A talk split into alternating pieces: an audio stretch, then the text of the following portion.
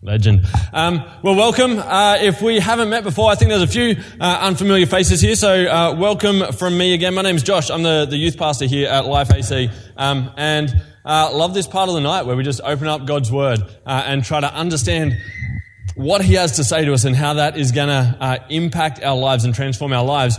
when I was looking at the roster, though, when I saw the topic for tonight it kind of threw me a little bit, not just for tonight, but this morning and last weekend. When I saw that I was down to preach um, on hope in suffering, right? Hope in suffering, uh, it caught me a little bit for a few different reasons. Um, on the one hand, I'm not particularly an expert in suffering. I just want to admit that, right? Um, I'm not going to jump up here and offer a whole bunch of um, kind of personal anecdotes about the depths of suffering that I've gone through and the personal revelations that I've got that I can give you insight in any particular way, right?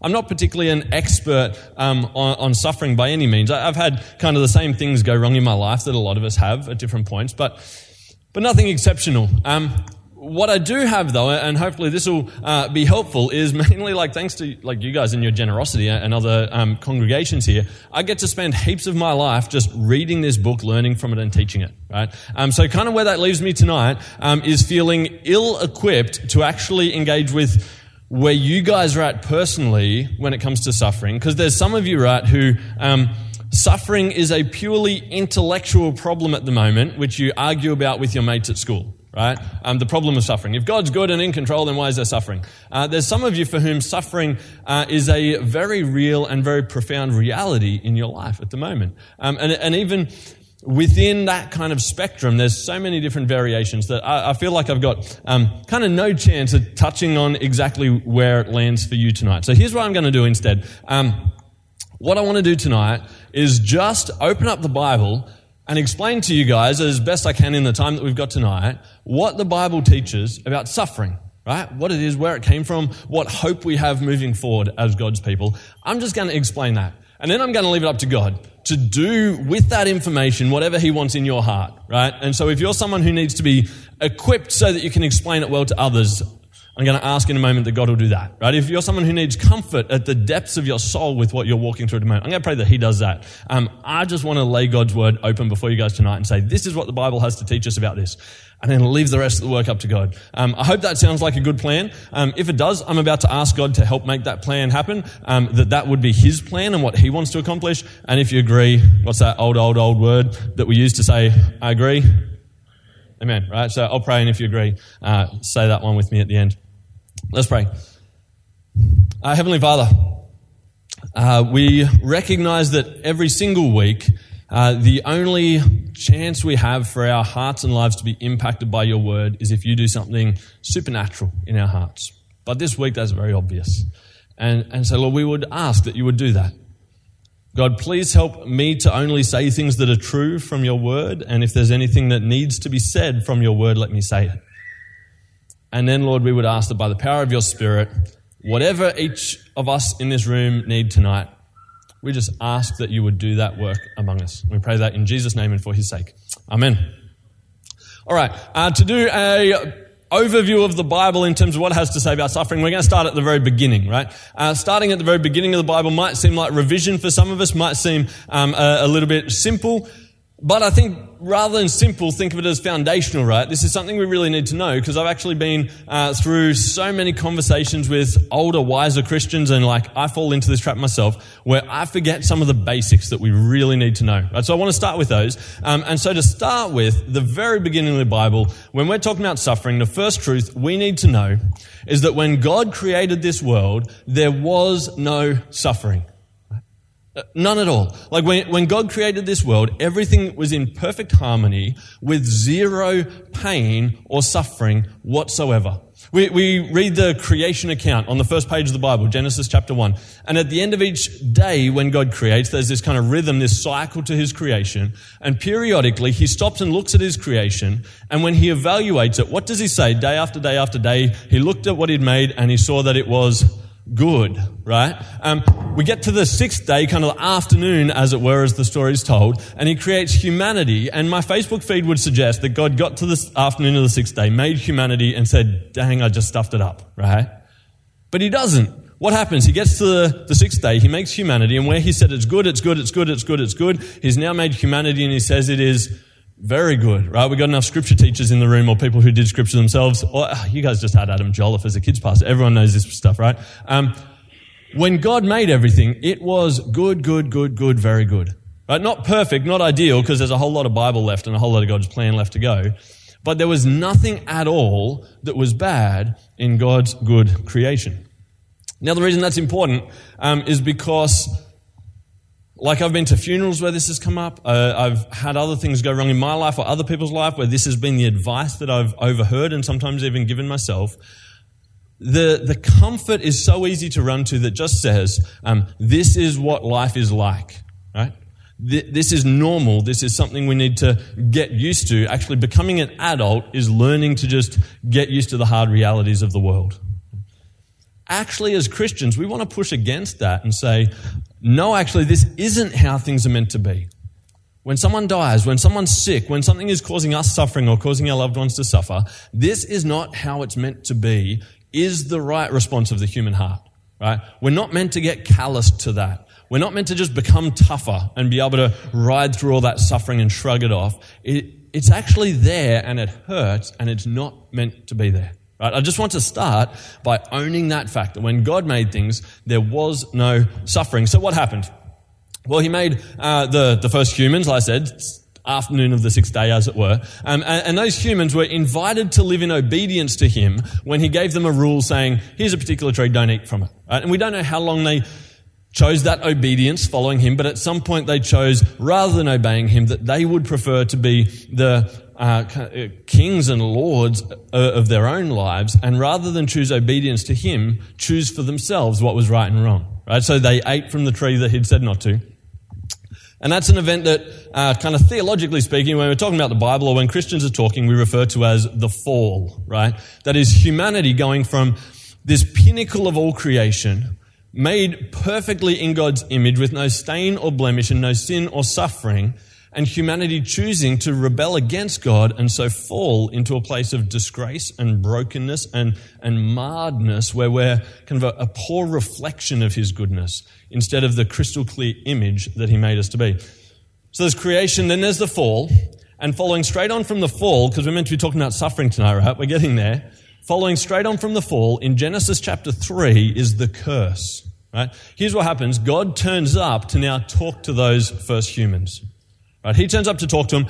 He talks to the snake, if you're familiar with the story. He talks to the woman. He talks to the man. I'm just actually going to read you the bit where he talks to Eve. Right? Um, there's stuff that's true throughout all of it, and I think this is a good place to grab it. And then from this little bit we read, I want to notice three things about suffering that we're then going to kind of unpack and build on in different ways. But here's what happened. So creation, the fall, here's part of the curse. To the woman, God said, I will greatly increase your pains in childbearing. With pain, you will give birth to children. Your desire will be for your husband, and he will rule over you. And to Adam, and just so you know, Adam's is twice as long, right? I'm not picking the, the woman's one there because she deserves it more than the man or anything like that, um, but because hers indicates a couple of important things. First thing I want us to notice is that in a world that was only good and only perfect, Suffering came into the world not because the devil turns up in the garden and curses everything, but because the God who is sovereign over everything and loves his creation turned up in the garden, and he's the one who ordained that suffering would enter creation. God is actually the one who turns up and curses this world that we live in, including us, with a inevitable suffering. He's the one who does it. And the reason I want to point that out to you tonight is it's, it's so easy, but kind of lazy and really unfulfilling, but easy to just have in the back of our heads suffering is what happens when God's not in control. Suffering is what happens when some cosmic opponent of God is winning. Those kind of things, right? We have those sorts of thoughts. Um, suffering is what happens because God couldn't figure out what to do about it, or He allowed things um, to to run away in a way that he didn't want them to. The reality from Scripture is not that, but that suffering enters the world because the God who made the world and loved the world ordained it to enter the world at the curse. I want to notice that. The other thing I want to notice from the uh, the curse there to the woman, it echoes all the way through it, and we'll pick it up later in Scripture as well, is it seems that there's two different types or origins of suffering that we can see here. Uh, it's important for if you're arguing with your friend or figuring out your own life. There's two different sorts. Um, here's one of the bits that it said to the woman. It said, Your desire will be for your husband, and he will rule over you. I'm not going to unpack all of what, what that means, but I want to notice something about it. Um, God says to her, Your desire will, will contribute something, and your husband's behavior will contribute something, so that between the two of you, your own hearts and your own behavior will lead to suffering between you. There's a reality that there is some suffering which is caused directly by, by our behavior and our heart and our attitudes as we relate to other people. That's one type of suffering uh, that we have. There's another sort of suffering in those couple of verses, though, because the other thing God said is, I will greatly increase your pain in childbearing. With pain, you will give birth to children. Right? No link there saying, if you sin, childbearing will be hard. Right? There's no link there saying your sin is directly causing your suffering. There's just a corporate, things are going to hurt. So there's kind of two, two different sorts of suffering on view there. Um, and this is important because, like, for thousands of years now, people have been arguing about these two different sorts of suffering and we've divided them up, and Jesus makes some comments about it, and we'll get to all of that. Um, there, there's technical terms if you want to look it up on Wikipedia or wherever else later and, and engage a little bit more fully in it. One of those kinds of suffering, the sort of suffering which is caused by people doing the wrong thing, right? Whether it's us or someone else, the sort of suffering which is introduced into the world by human uh, choices and behavior is called moral evil, right? Or moral suffering, because it's brought about through moral choices. The sort of suffering which uh, is just in the world and everywhere but doesn't seem to have any kind of human agency behind it is called natural evil or natural suffering. In, in a way, what we're talking about here, we're recognizing a fact that we've known in the, the newspapers and uh, on TV for the last week or so. Some bushfires are lit by an arsonist and some bushfires are lit by lightning, right? And both lead to suffering. There are things where someone does the wrong thing. There are things uh, where something seems to just happen. Right, we got that stuff from Genesis 3, right? There's two different categories of suffering. The other thing about those categories, um, it'll help you if you're ever wrestling yourself or, or talking to someone to distinguish between those when people say, if God's good, why doesn't he do something about suffering? Right? Because the, the arguments and the explanations look very different depending on which of those kinds of suffering the person's thinking of. Anyway, just so you know, and we'll unpack that a bit. But we've got that. God's the one who ordained there to be suffering. He's the one who in, injected suffering into the world, and it comes in two forms, right? Moral and natural. Hopefully, we have the big question, is like the question in some ways, isn't it? Why on earth did God do that? Why did God choose to inject into his creation suffering? Right?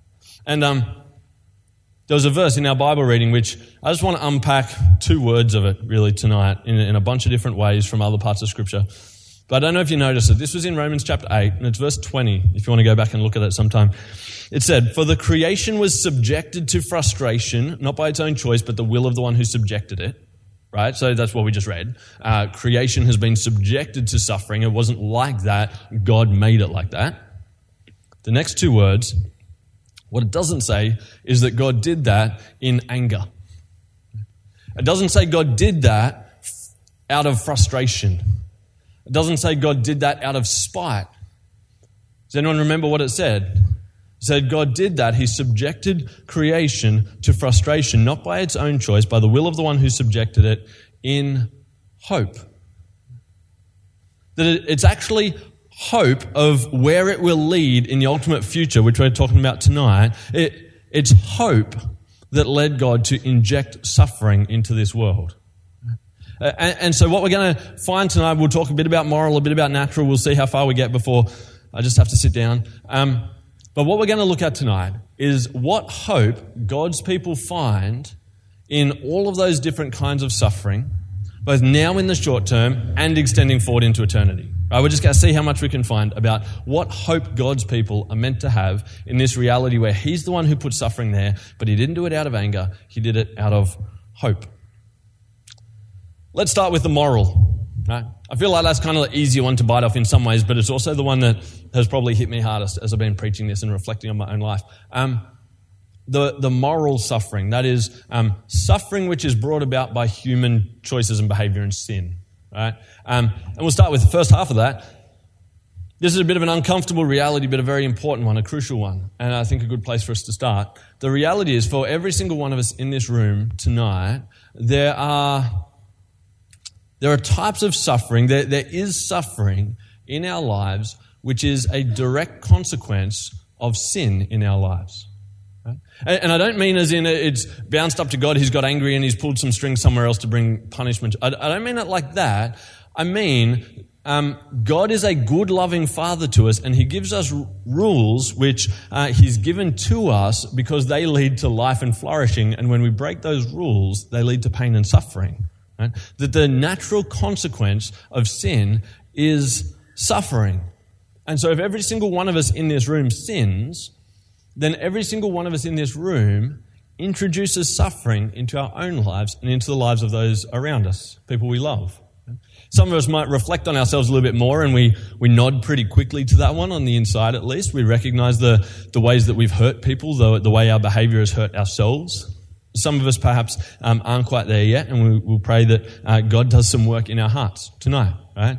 But, but there is uh, suffering in our life brought about by our envy of other people and the behavior that leads to. Uh, there is.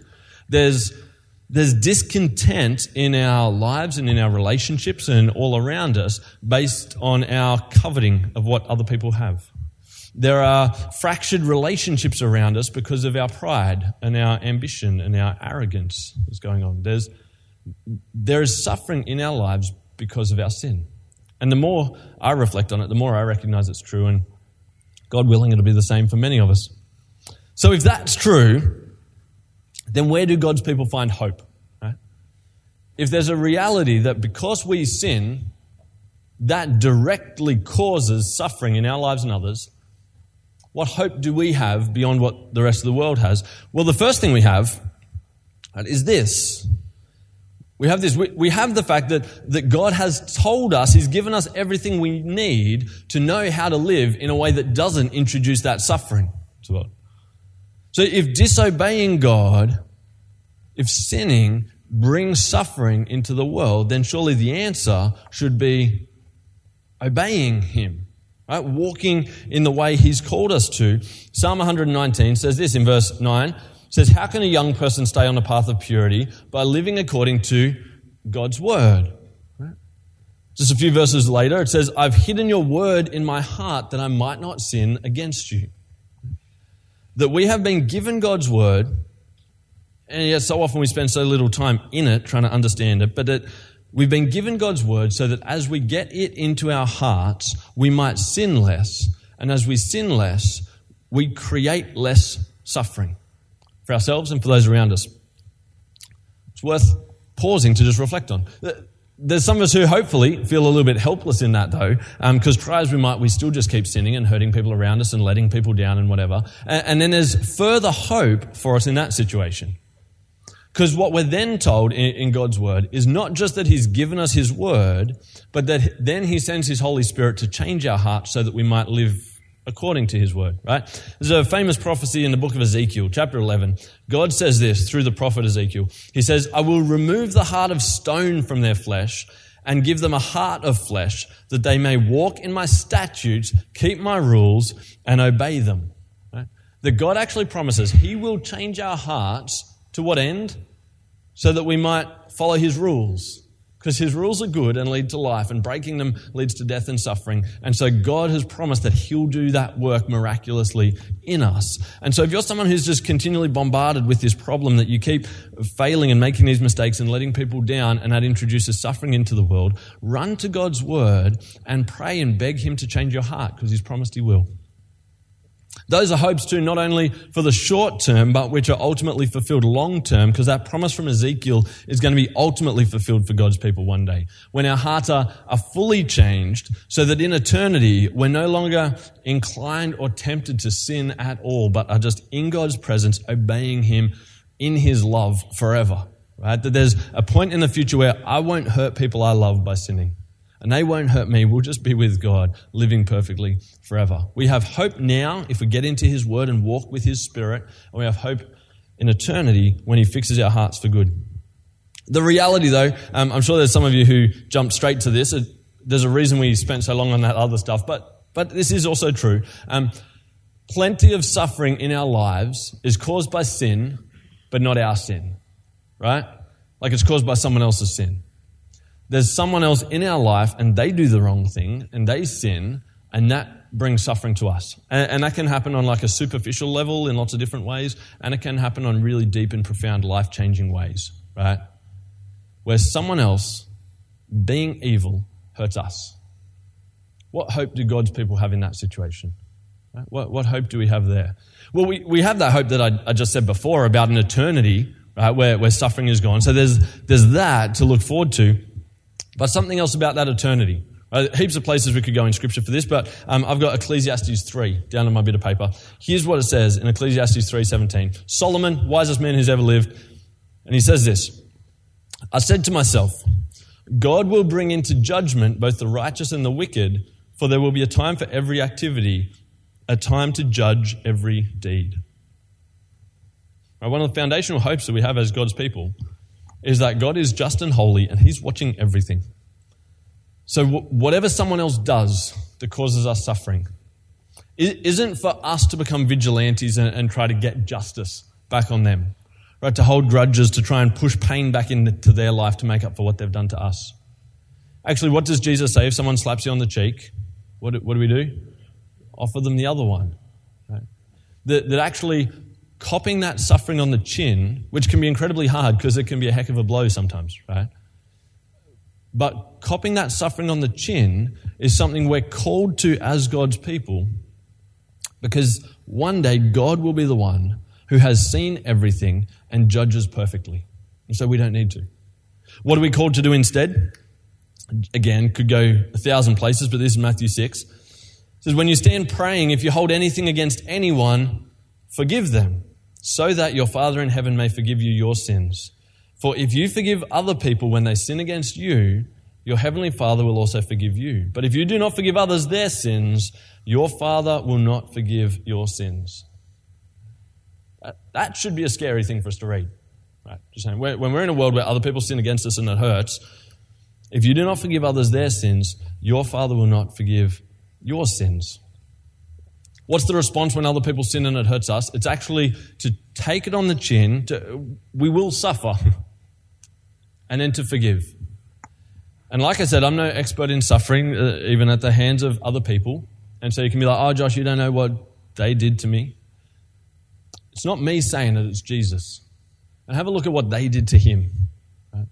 And even as he was beaten and hanging on a cross, being crucified publicly, what did he pray? Father, forgive them. So the most evil, unfair things were done to him, and he forgave. And he calls us to do the same. So that's the moral sin. That's the, the moral suffering, sorry. If it's our own, we need to be turning to Scripture praying and walking with the Spirit so that we might put that sin aside and reduce that suffering that we're bringing into the world, maybe even bring healing into the world instead. When it's other people's, we're to, to turn the other cheek, to cop it on the chin, to trust God's justice and to forgive. What about all the times when it's not moral suffering, it's natural suffering, right? What, what about those times when it's not caused by someone in particular? Let me tell you what, a, a little story Jesus told, and it, it helps that Jesus was obviously aware of this issue, funnily enough. But here's what he said. Luke 13, if anyone wants to read it later. It says, Now there were some present at that time who told Jesus about the Galileans whose blood Pilate had mixed with their sacrifices. Uh, quick explanation, that's an odd sentence. Um, Galileans are Jews. Their sacrifices, that means they've gone to the temple to offer sacrifices to worship God. Pilate is the governor, and when it says he's mixed their blood with the sacrifices, here's what's happened. He, he's sent soldiers in, and they have massacred Jews while they're at the temple worshiping God, so that now their blood runs with the blood of the sacrifices they went to offer. Right? People going peacefully to worship God, and soldiers come in and butcher them. That's what's happened. And people tell Jesus. Jesus answered, Do you think these Galileans were worse sinners than all the other Galileans because they suffered this way? I tell you, no. But unless you repent, you too will all perish. Or those 18 who died when the tower in Siloam fell on them? Do you think they were more guilty than all the others living in Jerusalem? I tell you, no. But unless you repent, you too will all perish. There's an understanding that some people intuitively had which was wrong. What, what they thought was when someone suffers, that's God punishing them for something they'd done wrong. Right?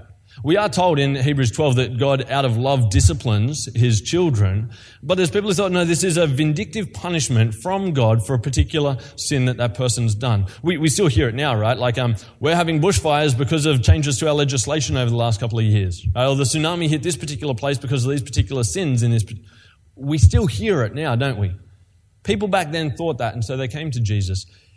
And what did he say? He, he said it's not actually their sin. It's not that they sinned and therefore there's a particular judgment landing on them for that sin. He actually says all people sin, therefore all people suffer and die. There, there's something corporate to the punishment of sin that impacts all of creation in the same way. Not one sins, therefore one suffers. All sin, therefore all suffer. You get that because his response to them is he says, they were no more evil than anyone else, and unless you repent, you too will die. Right? He, he says this is a problem with all of us. Here, here's maybe a, an illustration that will hopefully help you. It, it helped me years ago, and if not, it's just a random plug for an app from the App Store. See how we go. Um, is there anyone here who remembers the game Plague Inc.? Right, Plague Inc. Yeah, Ben, still playing. It. You're not playing it now, are you? Good. Um, Plague Inc. was a game on Android and iPhone and everything like that, where, like all good games, the, the goal of it was to wipe out humanity. Right? Um, the way you wiped out humanity was by uh, designing in the game a bacteria or a virus. You could play it at different difficulty levels, right? Um, by designing a disease to try to wipe out all of humanity. And in this game, you had a few things that you could control using in-game currency to upgrade and downgrade different things. The main things which you would change as the game was progressing is the mode of transmission, like how the disease spreads, and then the symptoms that it has. And I remember when I first got this game, I was terrible. I could never finish it. I could never kill everyone. Um, and the problem was that as the game goes, symptoms start to appear, like they mutate. You don't have to do anything. Symptoms just start happening. And then when the symptoms start happening, people start dying and notifications pop up saying like 200 people just died in Russia and whatever. And that starts coming up. And what do you think humanity starts to do when people start dying from the disease? Humanity starts working on a cure. And so a little bar comes up down the bottom right hand corner. How close is humanity to a cure? And it just ticks up and ticks up and ticks up until it hits 100%, and then that goes through and saves everyone. Right? And and anyone who's played the game will, will know that, that what you actually have to do, if you want to create the most devastating disease that destroys everyone, what you actually have to do is create a disease with zero symptoms. And every time one mutates, you jump in there and you get rid of those symptoms. And you just keep removing them and just keep removing them. Why? Because as soon as people see the symptoms, they go to the cure. Can you imagine just for a moment that there was a disease of some sort and, and if you caught it, three weeks later, you would die. 100% fatality rate, three weeks later. And there was zero symptoms. Can you imagine the devastation that that would cause? Swap it around, and, and this time, what happens if there was a, a disease which three weeks after you caught it, you would die, but the moment you caught it, you turned bright blue, right? Suddenly, hospitals would be very busy places, right? But the, the moment you even saw a, Shouldn't have said it with blue lights behind me. I scared myself. Um, the moment you saw blue, right, you'd be on your way to hospital, chasing down the cure. The reality is so much more devastating than a disease that kills in three weeks. The reality is that every human, including us in this room, have a sickness in our souls called sin. And one day when we die, we stand before the holy, perfect God of the universe. And He judges us for our lives. And if we were to land on that day without ever having seen a symptom, we would never run to a cure, and it would be devastating. The reality, as hard as it is to wrap our heads around, is that God, out of His love for us, has loaded sin up with enough symptoms that we might try to find the cure. He has caused it so that sin throughout all of humanity would introduce suffering into this world so that people might start looking around as if they just turned bright blue and say, Does someone know what's gone wrong? And can someone fix me? And what's the question we've been asking? What then is God's people's hope in that situation? The hope is that there is a cure, right? That, that that problem of standing before God on that last day and being judged, that there is a cure for that. Jesus has already lived, defeated sin, that he's suffered to do that, right? So he's taken suffering on himself, beaten sin, given all of us an opportunity to be forgiven by God. So we stand before Him on that last day and God sees us as perfect, which is almost laughable so far from the truth, but it's glorious, right? That He will just forgive us and that that offer is open to anyone who wants to follow Him. Right? There is a cure. And so what is meant to be the response of a world full of suffering? Not that us Christians are like turtles pulling their heads into their shell thinking, I hope no one asks me about suffering because that's a philosophical problem I don't think Christianity has a good answer for. No, our, our answer to the world is actually meant to be to, to recognize that it's a world groaning under the symptoms, and we know what the disease is, and we know what the cure is. And so we actually need to be holding that out. Saying to a world, we know that there's suffering, we know why there's suffering, and we know what the cure to that suffering is. Almost done. Feel like it would be a bit I know, amiss to, uh, to preach on suffering and not also touch on the most probably iconic book in the Bible when it comes to suffering, the book of Job. Right? I just want to um, tell you guys the story of Job and, and, grab a couple of little lessons from his life to finish. Just some kind of more practical ones, I guess. For those who don't know the story of Job, um, so if you want to find it, open up to the middle of your Bible. That's the book of Psalms. Go back a little bit. It's the one before that, is the book of Job. Job is a guy who loves God heaps and is bending over backwards to please God in every way possible. Not even out of resentment, just because he loves him, right? Um, so this guy's following God, and, and not only that, like his his kids go out partying, and the next morning he wakes up early to do sacrifices in case they sinned, right? Like he's just over the top in a good way, loves God. And then one day uh, he's sitting around, and a messenger runs up and tells him that a whole bunch of his stuff has just been destroyed and stolen. And then just as that messenger um, is going, another one runs up and uh, says how all of his servants and slaves have been wiped out, and this is the only servant who survived. And then, as that servant's leaving, another one comes up and says, Job, you know those sons and daughters you have who like to go out partying? Well, they're all having um, a get together at one of their houses, and a natural disaster swept through, knocked down the house, and they've all been killed. And then, as Job is sitting in this place where he's lost everything he has and everyone he loves, he then gets assailed by all kinds of different diseases that leave him sitting in the dust and ashes, like scraping at his skin, cursing the day he was born. That's where he ends up. He's got some mates who rock up and start talking to him. A little bit of help, but, but not much help. And it rolls through. And um, something that, like, I've known the book of Job for a long time, but I never actively processed this until kind of the last week. You can read all 40 chapters of Job, and, uh, and Job never finds out why that happened. Job never gets an explanation for the depths of suffering that he endures. If you read it, and again, I've told you how to find it, so feel free to read it. If you read it, you'll find out that in heaven there's actually a reason. Right? There's a bit of a, a story in there about how it happens. You can read it for yourself. The reality is that whenever suffering happens, heaven has a reason. It could be all kinds of different reasons. In that particular one, is to do with God's honor. Uh, there's uh, situations where there's a, a, blind man in John chapter nine, and Jesus is like, "Why?" Some people ask him why this guy's blind, and Jesus says it so that uh, the works of God could be displayed. Paul talks about how people suffer so that then, when they're comforted, they can comfort others. I mentioned Hebrews 12, that's about uh, discipline. So many different reasons. The reality for Job is he never finds out what the reason is, and you probably won't either that what we're kind of fated to as people is to suffer and just be called to trust the fact that heaven has its reasons even though we never find out what they are.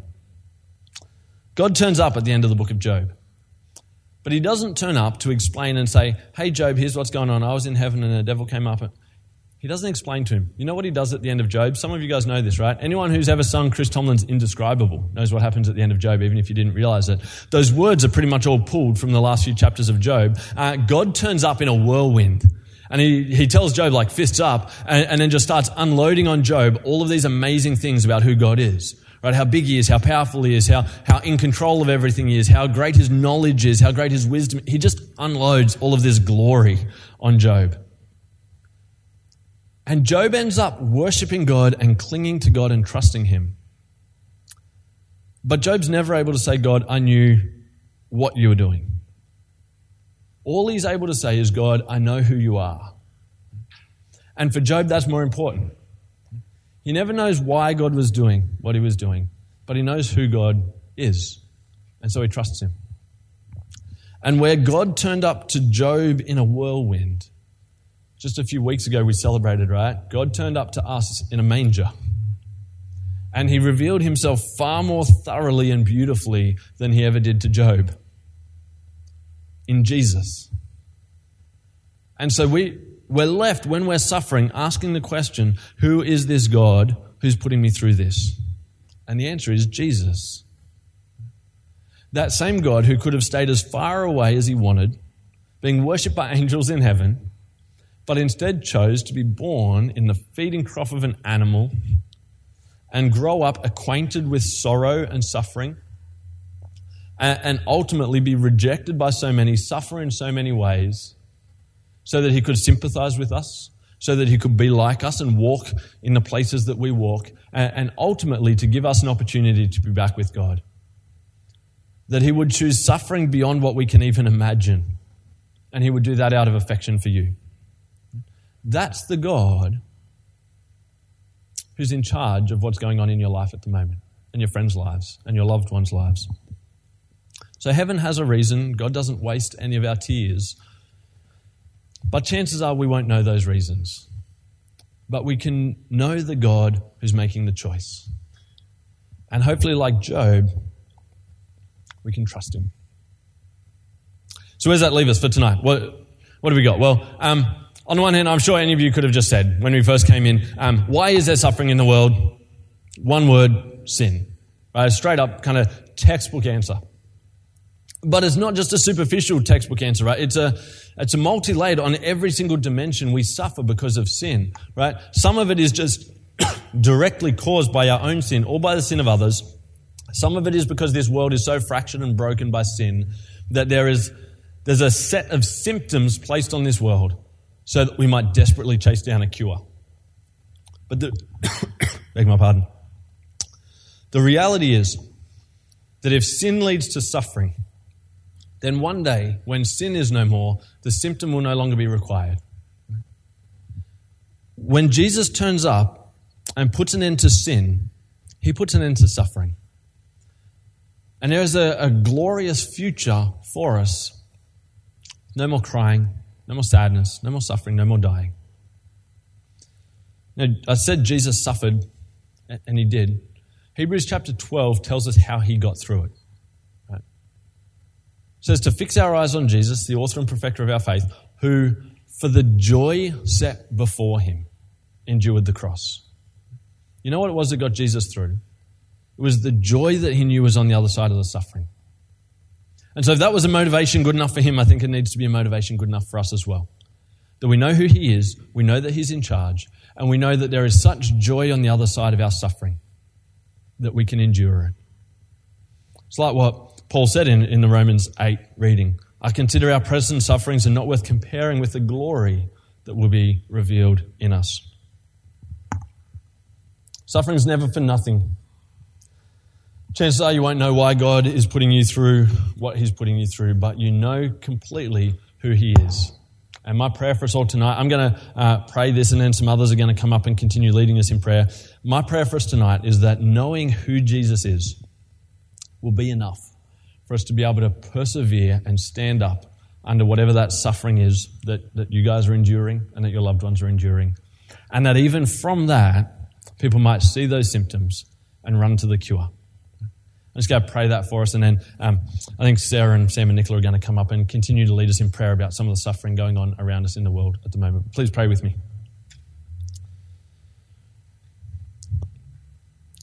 Lord God, as almost perverse as it seems to say, we thank you that you injected suffering into this world so that through it uh, we might find the cure in Jesus. But it's, it's hard to ever be thankful for the suffering we're enduring personally or that this world endures. We know it breaks your heart and it does break ours as well. But thank you that you sent a solution and that we have hope into eternity of a reality with no suffering and we have hopes in this life for bringing healing and less suffering. And Lord, I just ask for all of us that uh, you might give us a deep trust in you and that you might turn many, many, many people towards the cure that they so desperately need as they walk through a, a world filled with pain and suffering. Lord, please turn people back to Jesus so that they might enjoy that joy forever as well. We prayed in his name. Amen.